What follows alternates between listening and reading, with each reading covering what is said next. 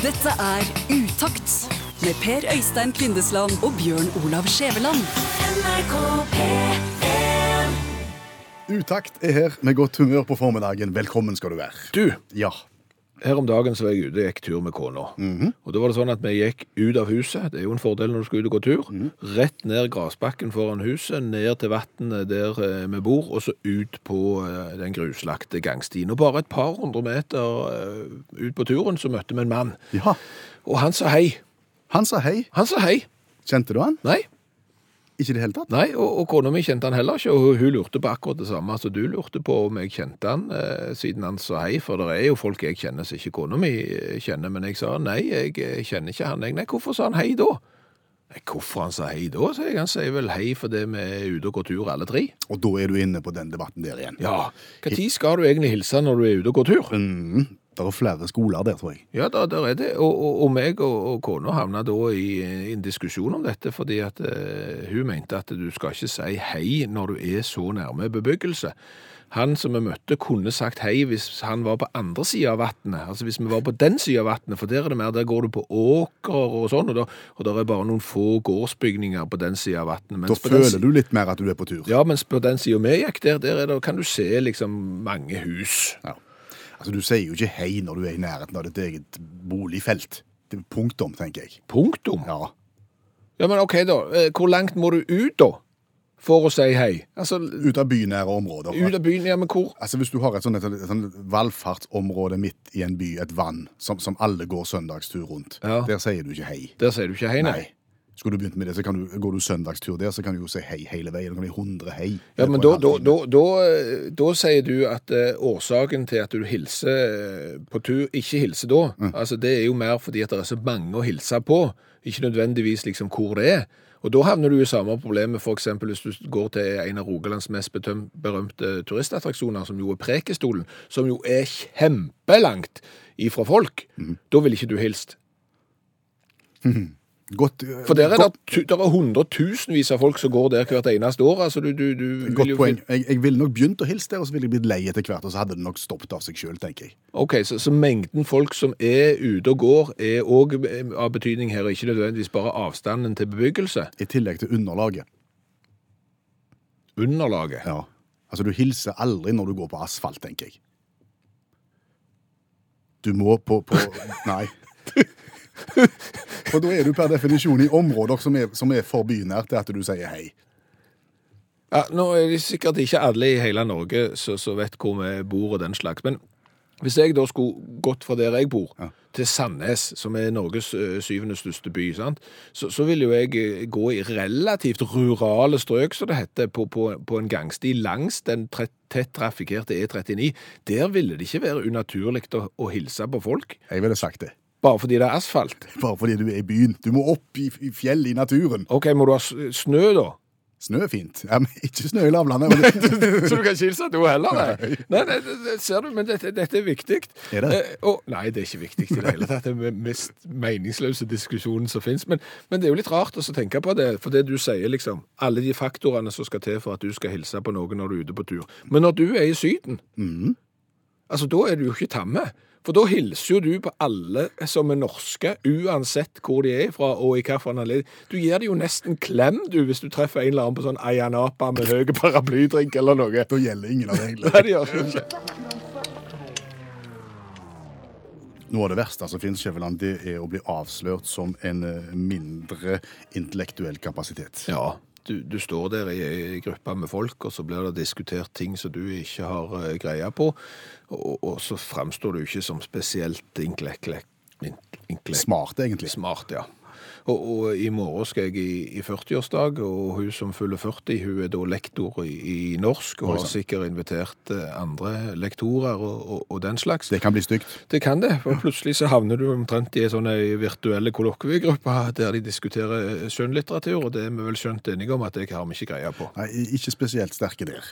Men vi føler jo at vi er jo ikke alene om det. Det er veldig mange av oss som ikke har vært igjennom de klassikerne som vi burde ha vært igjennom. Ja, klassisk litteratur, og det er jo liksom sånn pensum som bare forventes at du skal ha, ha lest. Shakespeare, Hamsun, Ibsen, alle de store. Ja, og, og vi har jo ikke lyst.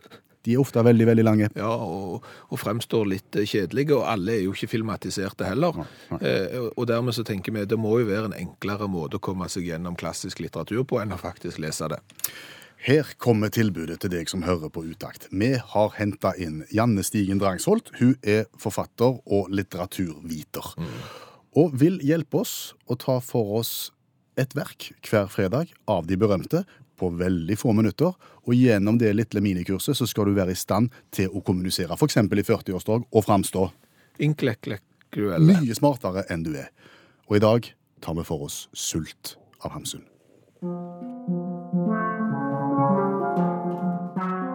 Kort fortalt, hva handler sult om? Ja. Og det som er så fint med sult, det er at den egentlig kan oppsummeres i den første setningen. Så da har du både et sitat og et handlingsreferat i samme bolk, da. Og første setningen i Sult er dette. Det var den tid jeg gikk omkring og sultet i Kristiania, denne forunderlige by som ingen forlater før han har fått merker av den. Det er Sult, kort oppsummert. Sulten mann tusler rundt i Oslo. Ja. Og så det som er problemet til den sultne mannen, det er at han er forfatter. Men han kan ikke skrive uten at han får mat, og han får ikke mat uten at han tjener penger. Så det at han er fanga fordi at han tjener ikke noen penger på skriftene sine, fordi at han, det som han skriver er så komplisert og vanskelig at det er ingen som kan publisere det. Så han går omkring og sulter i Kristiania. Ond sirkel, rett og slett. Helt riktig. Og det som jeg tenker er tema i eh, sult, det er jo dette her med at det er viktig å få seg en jobb. På et eller annet tidspunkt så må du bli voksen, legge bak deg drømmen om å bli musiker eller eh, kunstner eller hva som helst, og få deg en skikkelig jobb. Det er rett og slett det det handler om. Ja. Det er helt riktig.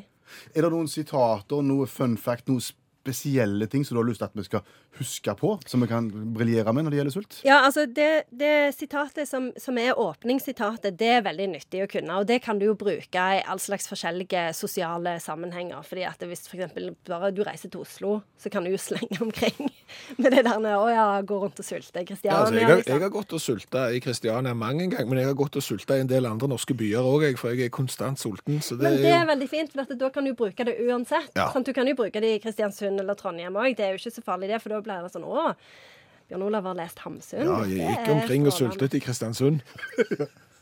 Sult får to. Ja, faktisk. Og det som jeg tenker som kan være greit med sult, det er at det, det kan være greit å si at det, det er lenge siden jeg leste den. For Sult er en av de bøkene Sult, altså Hamsun og Dostojevskij. Det er sånne forfattere som du bør ha lest for en stund siden. Så det kan være, Du får alltid noen ekstra poeng hvis du sier det at «Å, jeg husker jo ikke helt hva det handler om, for jeg leste den jo på gymnaset eller noe sånt. da. Det er bare et tips. I hvilket samfunnslag skal vi da uh, briljere med at vi har lest sult? Hvor treffer det best? Ja, uh, igjen så treffer det veldig godt hos næringslivet og jurister. Eh, og det har jeg jo empirisk bevis for. fordi at hvis en leser på nattbordspalten til Dagens Næringsliv, så kommer de alltid trekkende med Hamsun. Hva har du på nattbordet? Å nei, det er noe av Hamsun. Eh, ofte Markens grøde, men sult eh, fungerer like bra. Eh, og eh, sult kan òg fungere som ei sånn bok som du kan pushe på ungene eh, dine hvis de liksom kom, havner i den der eh, Ja, jeg vet ikke helt hva jeg skal bli, og eh, er det nødvendig å ta seg utdannelse og få seg jobb? Ja, les Sult. For da kan du jo late overfor de som du har lest den sjøl. OK. Og, og hvis du pusher sult på ungene, så har du kanskje drept leselusen deres en gang for Det alle. er jo det, er jo det som er kjipt med det. Men uh, samtidig så vil de jo òg kunne altså Da vil jo de havne i kategori 1, de som faktisk har lest klassikerne. Og det kan jo være en fin ting. Så det er alltid noe godt med å pushe klassikerne på folk. Andre folk. Oppsummert Sult av Knut Hamsun, skrevet på eh, slutten av 1800-tallet. Ja, det handler om en som å få seg en jobb. Komme, være grei, komme ut og få deg noe arbeid. Starter med setningen 'Det var den gang jeg gikk rundt i Kristiania og sultet', denne forunderlige by som eh, Ingen forlater før de har fått merker av han. Og det som jeg også kan legge til, for at det er ofte i klassikerne så ender det jo med at hovedpersonen dør eller tar livet av seg, men det gjør det ikke i Sult. Han reiser til England. Og det er litt viktig å legge seg på minnet. Og begynne å gå på fotballkamper og gå på pub. Helt riktig. Gjør han det? Jeg regner med det. OK. Hvem holder han med? Nei, det må jo være Tottenham. Tusen takk. Janne Stigen Drangsholt, forfatter, litteraturviter, hjelpetrener i friidrett og medlem av FAU. Utakt hører du i NRK P1. Og vi liker å si at dette er programmet der vi gjør hverandre gode, vi som lager programmet, og du som hører på. Ja, og dermed så setter vi pris på innspill. Du kan nå oss på SMS f.eks. Send en SMS til 1987 og start meldingen med utakt. Send en mail til utakt.krøllalfa.nrk.no. Søk oss opp på Facebook, send en melding der. Jeg har fått en del interessante meldinger i dag som vi skal ta opp litt senere i programmet. Og vi er på Instagram-afon, og det er masse flott som du kan bruke for å komme i kontakt med oss. Nå skal vi utenriks. Ja, vi skal det, for, for er du klar over det at store deler av den såkalte siviliserte verden har ikke forstått konseptet dynetrekk. Store deler av den siviliserte verden har ikke forstått konseptet dynetrekk. Nei, Sjekker du f.eks. inn på et hotell i Frankrike, sant? så har de reid opp til deg. Ja. Eh, Da har de lagt et stort lagen over senga di, og så har de tredd den så stramt de kan inn under madrassen. Oppå der har de lagt et ullteppe, så de på samme måte har stramt over madrassen og dytta inn i endene og på sida, så den ligger helt stramt. Og når du da skal legge deg, så er det omtrent som å prøve å stappe en 500-lapp inn i en konfirmasjonskonvolutt. Og så åler du deg ned og kommer inn under dette mirakelset, og så begynner jo kampen. Da begynner kampen. For sånn kan du jo ikke bli liggende. Nei, du kan, du kan jo ikke det. Du, du ligger jo omtrent på sånn lido parade, og, og du er jo stramt press ned i madrassen. Mm. Og så trenger du ikke bare armslag, men ikke du minst du trenger å få lov å bevege beina. Og så begynner du, og så er det kjempehardt. Ja, ja, og du- du har jo ikke nok lårmuskler ofte til å klare å vippe den opp i fotenden. Nei. Nei. Og, og til slutt, og etter en lang kamp, så klarer du å løsne dette her greiene her, og da er du på en måte fri. Ja. Å, fri. Ja, og så sovner du. Ja. Og så begynner kamp nummer to. Den foregår jo da i søvne. For jeg er jo i hvert fall sånn, og jeg vet at det er flere med meg, så er det sånn at vi beveger oss jo bitte litt når vi, vi, vi sover. Ja. Og, og, og En, bak, jo en bakser litt med det en har over seg. Ja, sant. Og da er det jo lagen først oppå der, og oppå ligger ullteppet, og så begynner du å bevege det, og til slutt når du da våkner, så ligger lagene på toppen, og så har du ullteppet omtrent overalt i alle kroppsåpninger som fins. Da ligger ullteppet innerst, ja. ja. Ja. Og det er da jeg eh, er forundra over at store deler av verden ikke har skjønt konseptet dynetrekk. Nei, for det ullteppet der, det kommer vel ikke direkte fra rens? Nei, du kan si at lagene er nok nytt når du sjekker inn på hotellet. Et ullteppe er nok ikke nytt. Nei. Og det er heller ikke meningen at ullteppet skal ligge nærmest mot kroppen, for der skal det rene lakenet ligge. Jo, jo, men allikevel, du, du er jo i nærheten av ullteppet hele veien, selv om du kanskje klarer å ligge i ro og holde lagene innerst. Men, men dynetrekk, det, fordelen med et dynetrekk er jo at inni der er det ei dyne. Og det betyr jo at dynetrekket tar jo av støyten for alt det dyna har vært borti. Ja. Og det skjer jo ikke med ullteppet. Nei, og tenk på alt det, det ullteppet har vært borti. Hvis det er noen, lyst til å tenke på nei, det. det. er nettopp det. Hvis det er noen nå som sitter med flybilletten i hånda, Mm. skal for eksempel ta turen til Gardermoen og, og sette seg på et Air France-fly til, til Charles de Gaulle i dag for å besøke Paris, så, så, så tenk det. Alt det det ullteppet har, har vært Har ikke lyst til å tenke. Nei, du har ikke lyst til å tenke på det. ikke tenke på det. Nei, men, men det, har, det har vært borti mye. Ja. En ting er at det kan ha vært borti meg når jeg ligger og bakser, men, men det har gjerne vært borti eh, franske par som har baksa sammen. Og, og Nei, og Det er ekkelt. Er det sovepose? Må en, må en medbringe Er er vi kommet der til? At for, for å løse dette her? Før verden oppdager det? Det må jo, altså, ofte så begynner du jo med, med holdningskampanjer.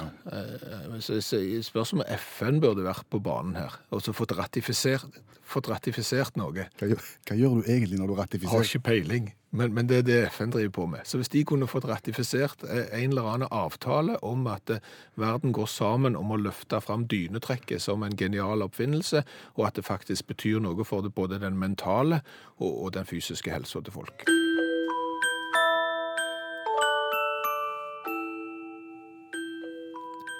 Utakt forteller historier fra gamle dager.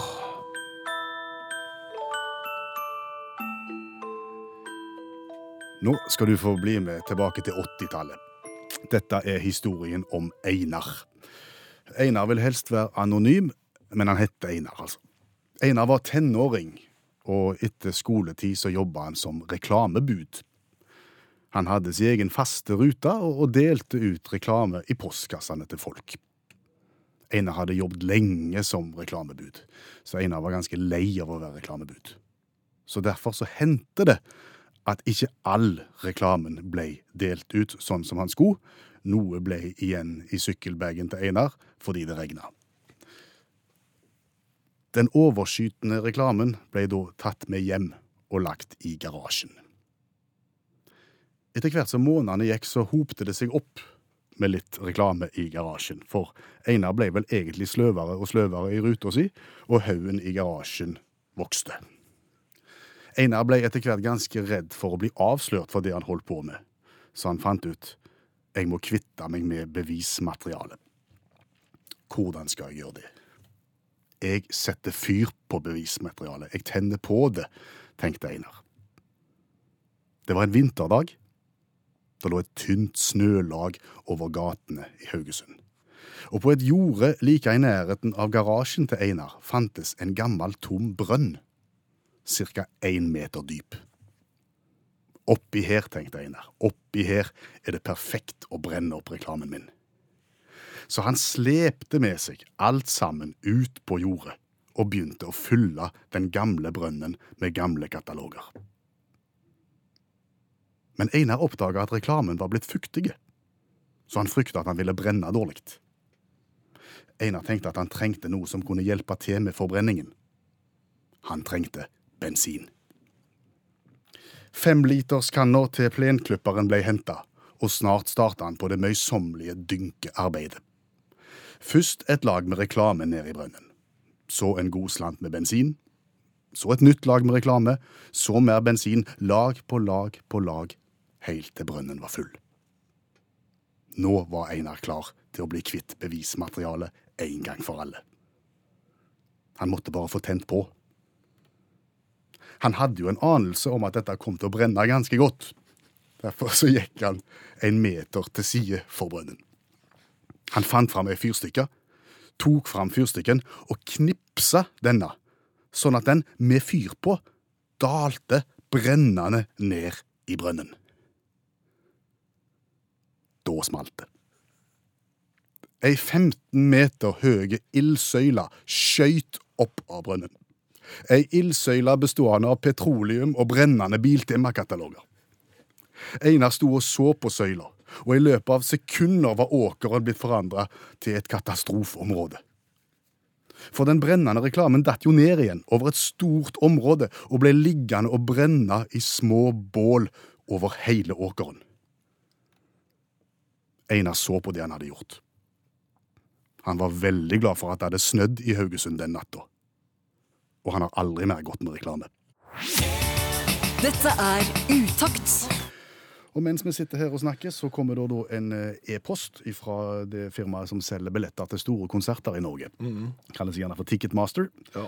Forteller at det tyske stororkesteret Scorpions skal gjeste Oslo den 22. november sammen med norske TNT. Ja, og, og Scorpions har jo vært i, i Norge før. Det har de. Eksempel i 2005. Ja. Da var de på Bryne. Mm. Det er vel kanskje den eh, største fiaskoen eh, som finnes, sånn rent publikumsmessig av en stor konsert. Den var på Bryne stadion, og du kunne nesten håndhilse på de som sto på gressmatta på Bryne stadion, og du hadde god tid igjen etterpå. Veldig rart, egentlig, for, for Scorpions var jo gigantsvære på 80-tallet, og har jo fortsatt et enormt stort publikum verden over. Så, så at det ikke kom så mange folk det året der, var jo litt rart. Men historien om hva som skjedde etter den konserten, er såpass god at vi har lyst til å fortelle den. Ja, det er gjerne noen som har hørt det før, men vi havna da på nachspiel med eh, Scorpions, fordi vi, vi kjente arrangøren av denne konserten som ikke gikk så bra, Eh, og han sa at dere skal få lov å møte de etterpå. Det hadde vi jo lyst til, for de var jo som sagt, de var giganter på 80-tallet. Det hadde vært artig å truffe Klaus Meiner og gjengen. Instruksen vår var møt bak miksepulten rett etter at konserten er slutt. Ja. Der møtte vi. eh, Der fikk vi beskjed eh, om at vi skulle ta med to damer som var kommet fra Latvia, utelukkende for å se Scorpions eh, på Bryne. De skulle vi ta med i bilen, pluss at vi måtte ta med noen brett med øl, for det var ikke solgt så veldig mye øl på den konserten, for det var jo ikke folk der. Nei. Så vi skulle ta med det. Eh, Vi skulle legge det i, i bagasjerommet til fysioterapeut eh, Søyland sin røde Renault Scenic, og så skulle vi kjøre da til kjøpesenteret Kvadrat, som ligger mellom Stavanger og Sandnes. Ja, så den Hele instruksen er ganske rar. Ja. Ta med deg to latviske damer, litt øl, og kjør til Kvadrat midt, midt på natta. Ja. Vi trodde jo egentlig ingenting på dette her, men vi fikk jo med, som sagt, fysioterapeut Søyland og hans røde Senik, og vi kjørte til Kvadrat. Ja, eh, vi hadde ikke plass til damene, så de satt i bagasjerommet. Eh, Så stoppet vi ut forbi kjøpesenteret, og så venta vi. Ja. Venta ganske lenge, ingenting skjedde. Plutselig skjedde det. Ja. Da kom det fire limousiner på rekke og rad. Svarte og lange. Og vi ga jo instruks til sjåfør Søyland i den røde Scenicen, bare legg deg på hjul. Ja. Da var det plutselig fem biler i følge. En kortesje med, med fire limoer og en Scenic. Ja. ja.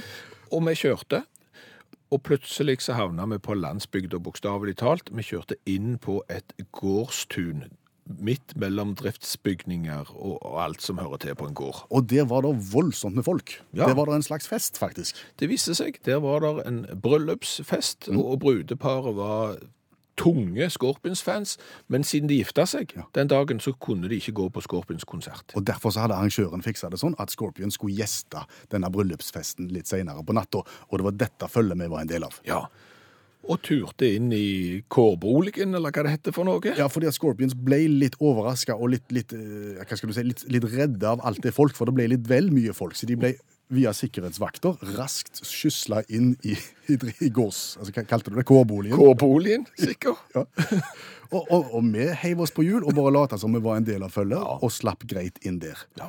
Og da kom vi da altså inn i ei stue. Møblert sådan. Ja.